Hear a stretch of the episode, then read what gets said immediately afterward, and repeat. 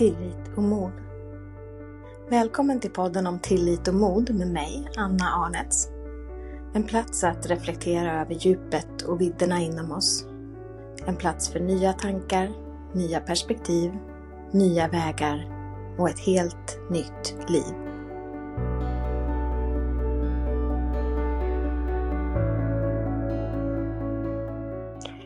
Skilsmässor, skam och pengar. Vi lever på 2000-talet i Sverige, ett av de mest jämställda länderna i världen, sägs det. Och ändå är det så många kvinnor som inte har råd att skilja sig. Som lever i så ekonomiskt ojämställda relationer. Och det är ingenting som man har velat. Det är inget man har planerat. Men det har blivit. Livet händer. Och det finns en skam i det. Det finns en skam i att inte kunna klara sig själv. Att vara bunden av pengar i en situation som man inte vill vara i. Och det kan finnas en skam över att relationen tar slut. Att det inte höll, att det där man tänkte inte blev. Och att lämna en relation där det finns barn och att aktivt välja att inte få dela hela sina barns uppväxt varje dag, det är den allra största sorgen. Och jag vet verkligen hur det känns.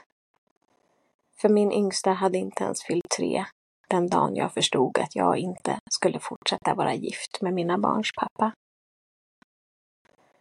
Men beslutet tog lång tid och insikten tog lång tid. Det gick nio månader. Nästan på dagen, en hel graviditet. Från att jag första gången hörde orden i huvudet på julafton 2011. Där jag satt, omgiven av min familj. Och i huvudet hör jag en röst som säger och här sitter jag och ser min familj falla i bitar omkring mig. Jag vill inte se det, jag vill inte veta, jag vill inte att det skulle vara så.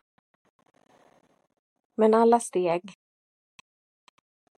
som kom efter, alla försök att rädda relationen och allt det som hände och allt det vi gjorde ledde till slut fram till beslutet i september 2012 om att inte dela hela mina barns uppväxt utan bara få träffa dem halva tiden av deras liv. Den allra, allra största sorgen. Och ändå gick det inte att välja annorlunda. Jag var tvungen att välja mig. Jag var tvungen att välja det liv jag såg framför mig.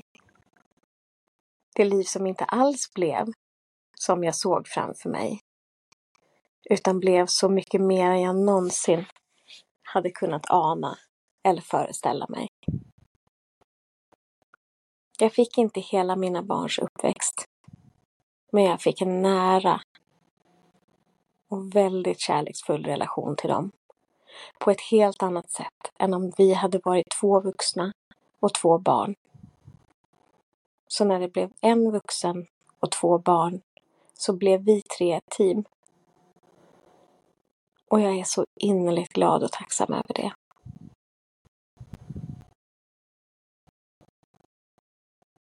Ibland kan jag föreställa mig parallella liv och hur mitt liv hade sett ut om jag hade stannat. Och det gör mig glad att jag inte gjorde det. För jag har så mycket mer liv i mitt liv nu än vad jag tror att jag hade haft då. Och bara för att vår resa tillsammans var slut så betyder det inte att den inte hade ett värde. Den hade det absolut största värdet. För det var där jag fick den allra finaste gåva jag någonsin har fått. Jag fick mina två barn. som är värda allt för mig.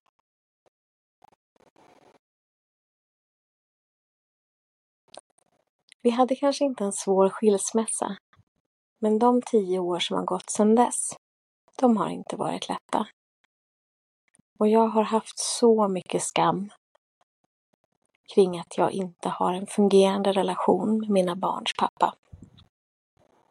Jag har burit skulden. Känt att det varit mitt fel.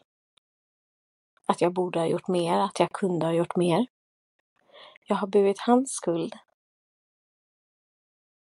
Som han har velat lägga på mig för att vår relation inte fungerar. Och jag har känt en så djup skam över att inte få det att fungera. Men vem vi än är så kommer vi alltid vara skurken i någon annans historia. I någons historia. Och tyvärr är det vad vi har blivit för varandra, men det har funnits jättestora lärdomar i det också. Det har funnits gränssättning och det har funnits för mig viljan att välja mig och stå upp för mig. Det har inte varit lätt. Men det har gett så otroligt mycket. Jag hade fördelen att ha pengarna att kunna gå.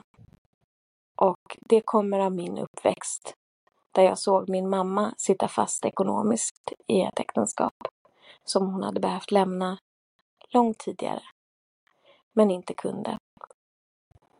Och det gav mig känslan av att för mig är det viktigt att alltid ha ekonomin så att jag kan gå. Om jag en dag behöver det. Och jag har gjort det två gånger. Jag har skilt mig två gånger. Första gången fanns det inga barn. Andra gången fanns det barn.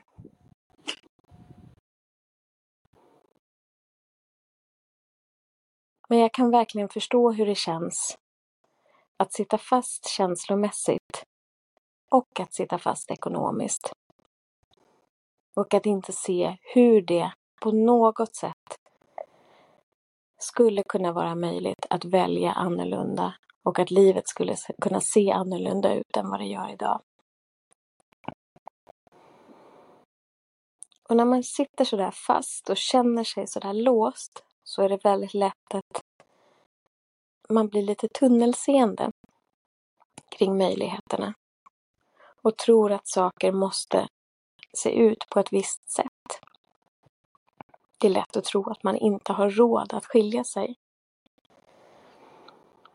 Men pengarna är bara en komponent i det och du och din glädje och din livsvilja och ditt liv är ju värt så oändligt mycket mer än pengar.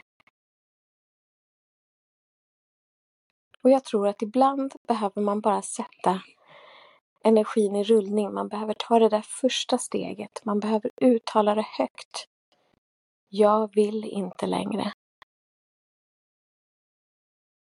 Och då kan möjligheter och lösningar få börja visa sig på ett sätt som du aldrig hade kunnat ana. Som du aldrig hade kunnat tänka ut. Och det steg du tar, eller den lösning som dyker upp, den är ju inte för evigt.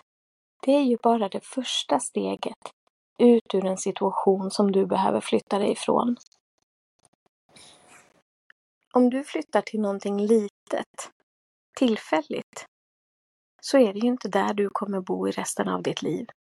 Det är där du kommer bo nu. Tills vidare. Tills allting har löst sig. Tills allting har fallit på plats. Det är ett första steg. Det behöver inte vara perfekt. Det behöver inte vara optimalt, det behöver inte vara fantastiskt. Det behöver bara vara ett första steg.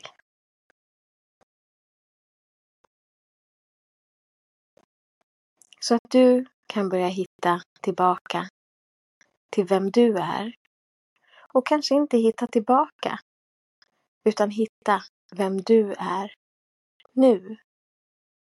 På andra sidan en relation, på andra sidan ett föräldraskap. Vem är du om du balanserar på dina ben på egen hand?